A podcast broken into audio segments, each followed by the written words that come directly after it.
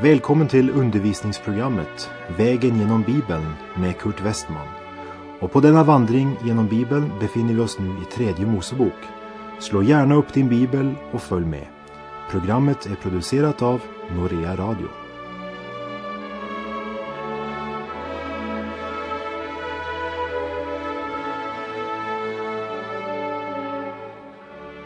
Nu har vi kommit till tredje Mosebok kapitel 8 som handlar om prästernas invigning.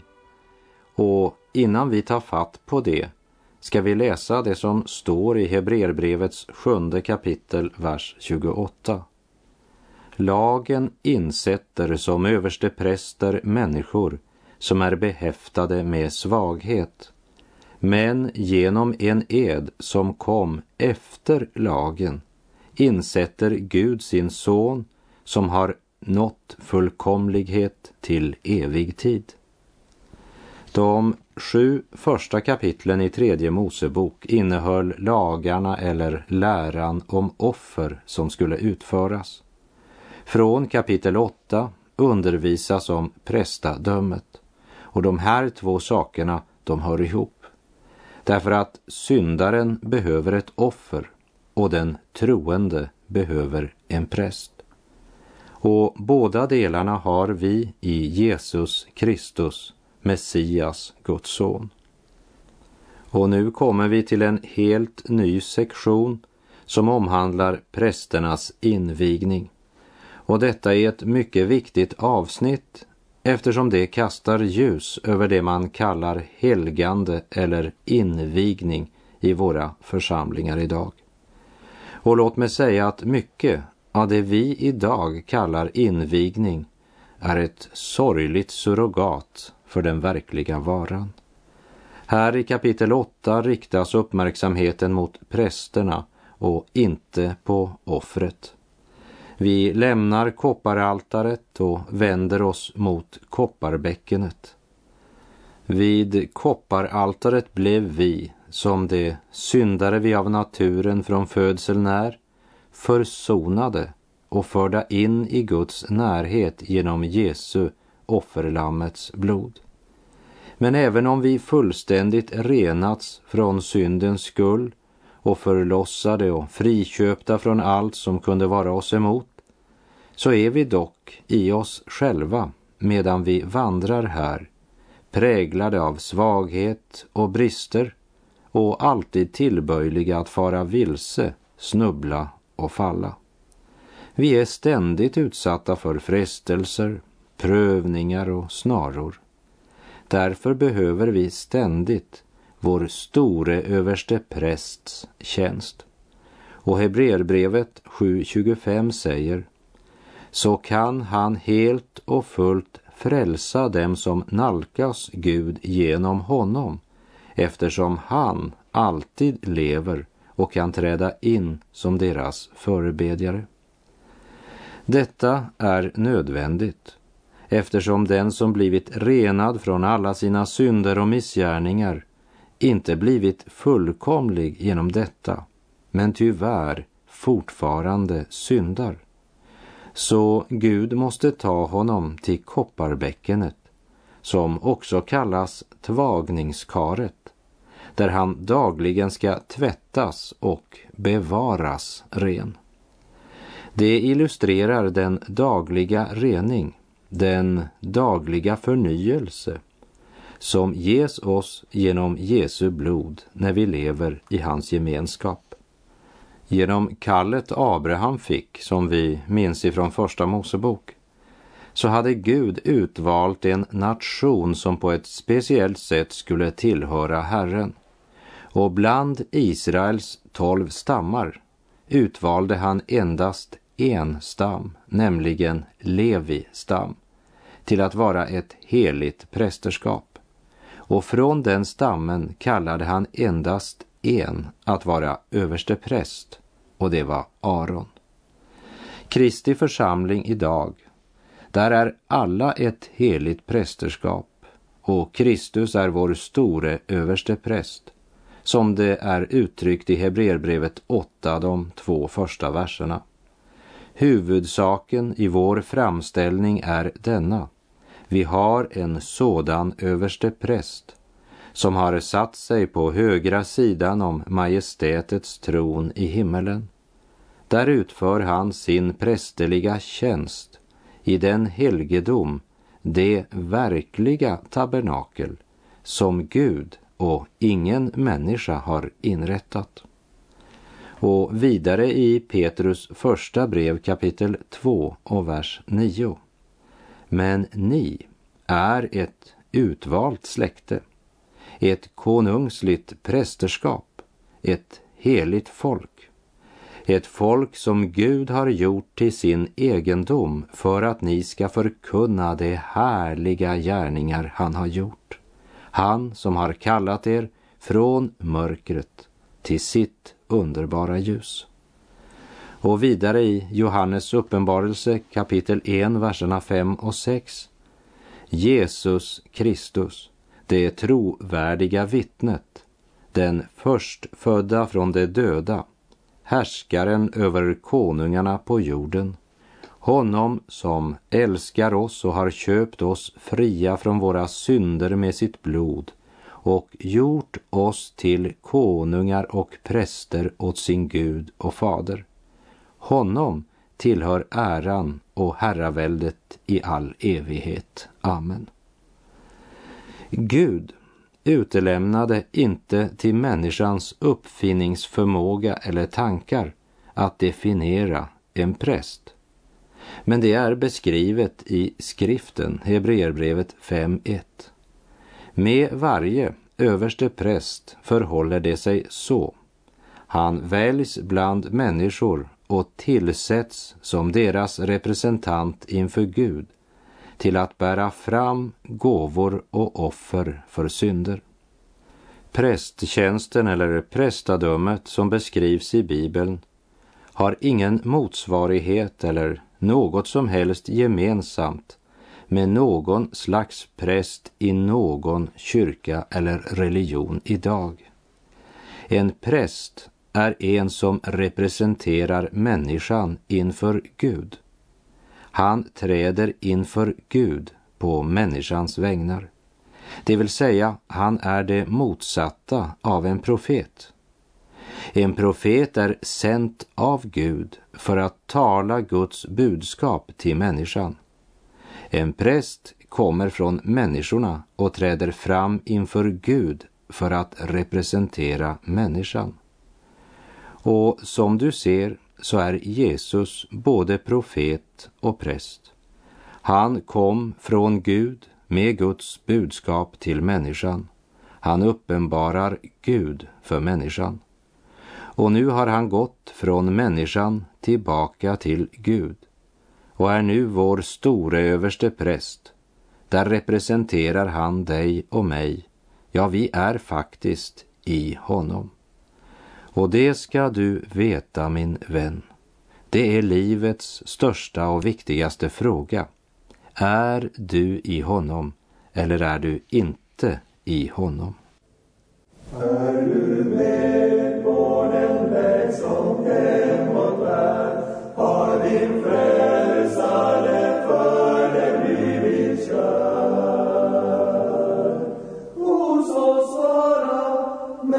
men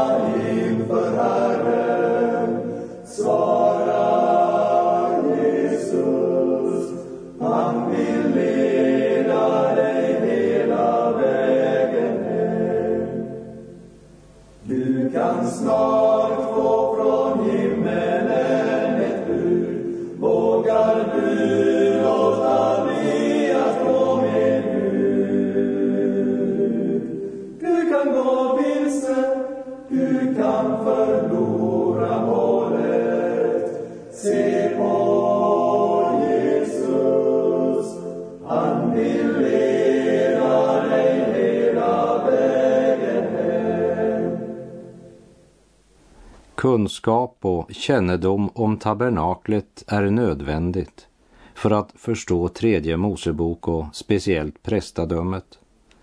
Åskådningsundervisningen i tabernaklet och prästadömet är så betydelsefull och rik i dess betydelse och alla detaljer att det är en risk att man lägger vikt på en aspekt eller sida av saken på bekostnad av en annan sida och därmed kommer till fel slutsats. Jag tror att det är viktigt att ge akt på att förgården representerar världen här nere. Det var här som Kristus led och dog. Det heliga är det osynliga, det himmelska, dit vår store överstepräst har gått. Det som hände när Herren Jesus dog på korset, uppstod och återvände till himlen var att han tog tabernaklet och dess betydelse som var horisontal, det vill säga vågrätt här på jorden och vände det vertikalt, lodrätt. Det heliga är där uppe och just nu är Jesus i det allra heligaste, vilket förklaras så här i Hebreerbrevet 4.14. Eftersom vi nu har en så stor överste präst som farit upp genom himlarna, Jesus, Guds son, så låt oss hålla fast vid bekännelsen. Och i Hebreerbrevet 9.11 men Kristus har kommit som överste präst för det goda vi nu äger. Han har gått in i det allra heligaste genom den större och fullkomligare helgedom som inte är gjord av människohand, det vill säga inte tillhör denna skapade värld. Och som det stod i Hebreerbrevet 8, de två första verserna, Huvudsaken i vår framställning är denna. Vi har en sådan överste präst som har satt sig på högra sidan om majestätets tron i himmelen. Därför utför han sin prästerliga tjänst i den helgedom, det verkliga tabernakel, som Gud och ingen människa har inrättat. Och vidare i Hebreerbrevet 9, 23-24. Alltså måste avbilderna av de himmelska föremålen renas med sådana medel. Men själva de himmelska urbilderna krävde bättre offer än så. Kristus gick ju inte in i en helgedom som var gjord av människohand och bara en avbild av den verkliga utan han gick in i själva himmelen för att nu träda fram inför Guds ansikte för vår skull. Han är i det fullkomliga tabernaklet, Guds himmel. Denna verklighet borde uppfylla vår tro. Vi går till vår kyrka, går igenom vårt ritual eller vår form och trons realiteter blir ofta glömd. Han är där uppe just nu. Och du ska komma till Gud genom honom. Och vi uppmanas att komma med frimodighet, för han har trätt fram inför Gud och talar vår sak just nu. Kära vän, du är inte utelämnad eller ensam här nere. Gud är tillgänglig. Gud är anträffbar genom Jesus Kristus. Tabernaklet är nu lodrätt och det allra heligaste är där uppe. Liksom i kapitlen om de olika offer som skulle bäras fram så säger också det här kapitlet och Herren talade till Mose. Om och om igen hör vi att Herren befaller Mose. Och kapitlet avslutas med vers 36 som säger och Aron och hans söner gjorde allt vad Herren hade befallt genom Mose. Det handlar om att ta konsekvensen av vad Gud har sagt. Invigningen måste ske på det sätt Gud har sagt det ska ske. Inte vad människorna tyckte passade eller vad människor upplevde som riktigt eller vettigt, men det var ordet från Gud man handlade efter. Man gjorde allt vad Herren hade befallt genom Mose. Det borde vi tänka över i våra kyrkor och verksamheter idag. Är det det som präglar vår verksamhet? Och vi läser i tredje Mosebok 8, verserna 1 till och med 3. Och Herren talade till Mose och sade Ta Aron och hans söner tillsammans med honom samt deras kläder och smörjelseoljan. Likaså syndoffersdjuren och de två vädurarna och korgen med de osyrade bröden. Församla sedan hela menigheten vid ingången till uppenbarelsetältet.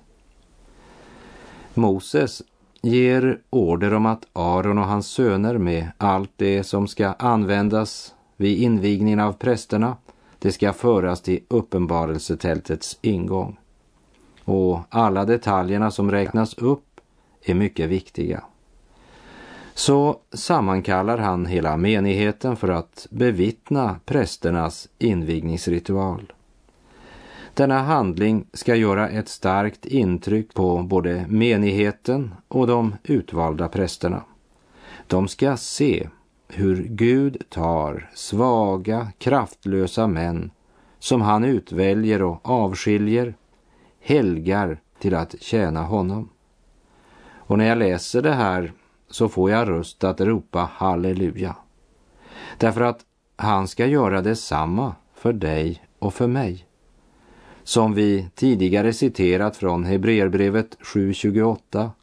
Lagen insätter som överste präster människor som är behäftade med svaghet. Men genom en ed som kom efter lagen insätter Gud sin son som har nått fullkomlighet till evig tid. Vem är det Gud kallar och insätter för att tjäna honom? Jo, människor som är behäftade med svaghet. Hade han krävt fullkomliga tjänare hade vi alla utelämnats. Men han tar oss just som vi är och han inviger oss, det vill säga han gör något med oss. Han tar oss som vi är, men han låter oss inte förbli som vi är. Han inviger, tvättar oss, ja, helgar oss till vår gudomliga tjänst. Och vi läser verserna 4 och 5 här i tredje Moseboks åttonde kapitel. Och Mose gjorde som Herren hade befallt honom och menigheten församlade sig vid ingången till uppenbarelsetältet och Mose sade till menigheten detta är vad Herren har befallt mig att göra. Mose gör det Gud har befallt honom. Och folket lyder befallningen och samlar sig till detta möte vid uppenbarelsetältets ingång. Och Mose inskärper hos folket att det han nu gör det gör han därför att Herren har befallt det. Det vill säga, detta sker därför att Gud har sagt det.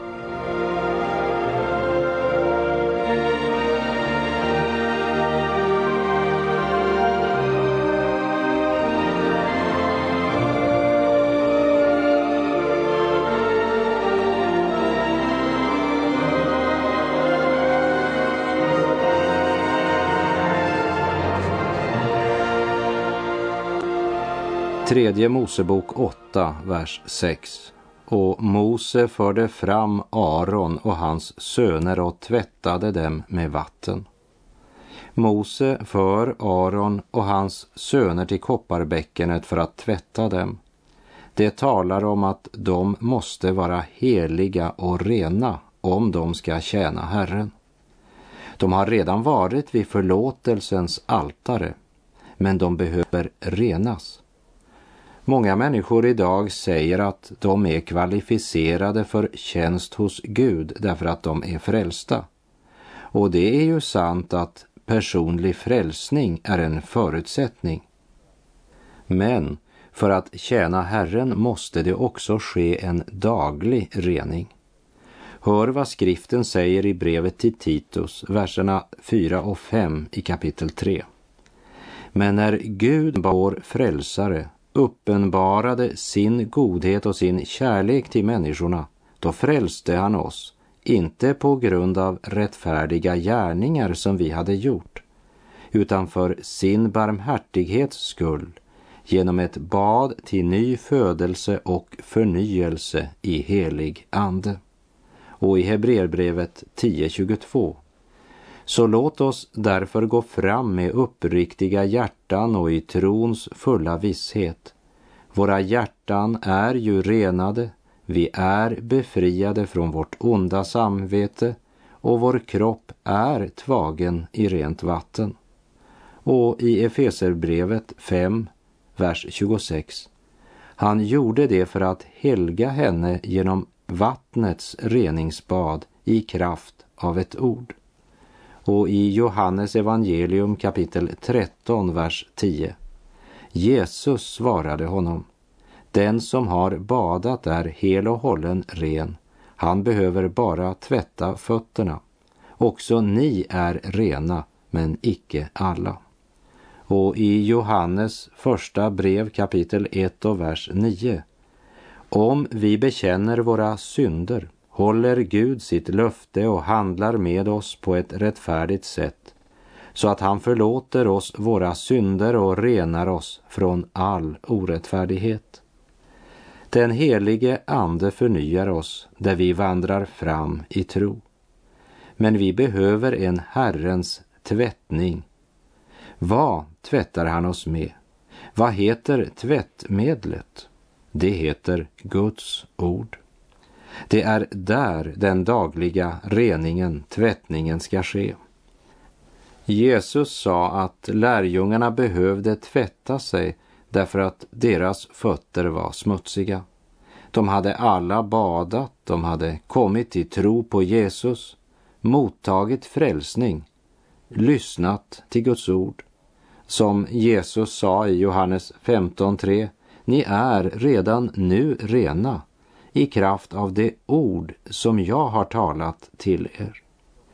Men de behövde fortfarande regelbundet tvätta sina fötter för att ha gemenskap med Mästaren. Vår fot, den fläckas så lätt av synden under vandringen. Därför är det viktigt att leva i ordets bad dagligen om vi ska kunna tjäna vår Herre. Hur får vi del i denna rening? Jo, genom ordets bad. Ordet och den helige Ande uppenbarar, avslöjar synden i vårt liv. Tvagningen sker genom ordet och bekännelsen. Min kära vän, om du vill tjäna Gud, så bekänn dina synder. Det är det första steget. Det är Guds väg. Det är vad han befaller. Vi måste göra detta på Guds sätt. Eljest kan vi inte tjäna honom.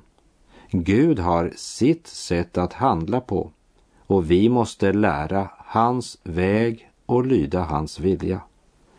När Mose har tvättat Aron och hans söner så läser vi vidare i verserna 7 till och med 10 och han satte livklädnaden på honom och spände bältet om livet på honom och klädde på honom kåpan och satte på honom efoden och spände efodens skärp kring honom och fäste därmed ihop allt sammans på honom. Och han satte på honom bröstskölden och lade urim och tummin in i skölden och han satte huvudbindeln på hans huvud och satte fram till på huvudbindeln den gyllene plåten, det heliga diademet som Herren hade befallt Mose. Överste prästens dräkt är en illustration av vår store överste präst i all hans underbara nåd och ära och kraft. Varje del hade sin symboliska betydelse. Eftersom Aron, den levitiska översteprästen, saknade den moraliska och religiösa fullkomlighet som skulle ha gjort honom skickad att träda fram inför Gud, så blev han genom vigning iförd heliga kläder. Överste prästens dräkt, den bestod av åtta delar. Fyra delar var detsamma som alla prästerna bar och fyra delar var speciella för översteprästen och skilde honom därmed från de övriga prästerna. Och de fyra delar som betecknar hans särställning det var bröstsköld, efod, kåpa, alltså efodkåpan och så den gyllene plåten i pannan av rent guld. Rabbinerna kallade det för den gyllene dräkten därför att det ingick guld i alla dessa fyra delar. Livklädnad, bälte och huvudbindel som var gemensamt både för översteprästen och de övriga prästerna, de var alla vävda av tvinnat vitt garn. Det vita garnet talar om rättfärdighet. Liksom varje troende är iklädd Kristi rättfärdighet. Och den dräkten är nödvändig för att göra tjänst för Herren. Överste prästens ordinära dräkt, det var en dräkt präglad av ära och skönhet och som talar om den upphöjde Kristus, hans ära, makt och majestät. Och i denna dräkt bar han en sten på vardera axel med namnet på sex av Israels stammar ingraverade på varje sten. Och på bröstskölden bar han tolv stenar och varje sten hade namnet på en av Israels stammar. Så han bar dem på sina axlar och han bar dem på sitt hjärta. Axlarna talar om kraft och styrka till att bära, det vill säga han har makt att hålla det han lovar. Hjärtat talar om kärlek och vilja, han både kan och vill. Du skulle ej sörja, du har ju en vän som bär på sitt hjärta din nöd. Men överste prästen hade också en extraordinär dräkt som han endast bar en enda gång årligen och det var på den stora försoningsdagen. Den dräkten var mycket enkel och den dräkten symboliserade ödmjukhet och syndabekännelse. Så på den stora försoningsdagen, när folkets synd skulle sonas, då lade överste prästen av sig den dräkten som symboliserade ära, makt och härlighet.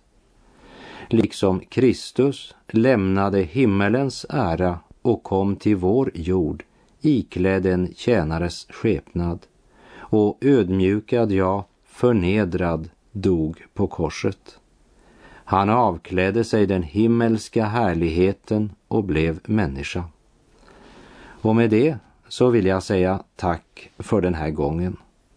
På återhörande om du vill. Herren vare med dig. Må hans välsignelse vila över dig. Gud är god.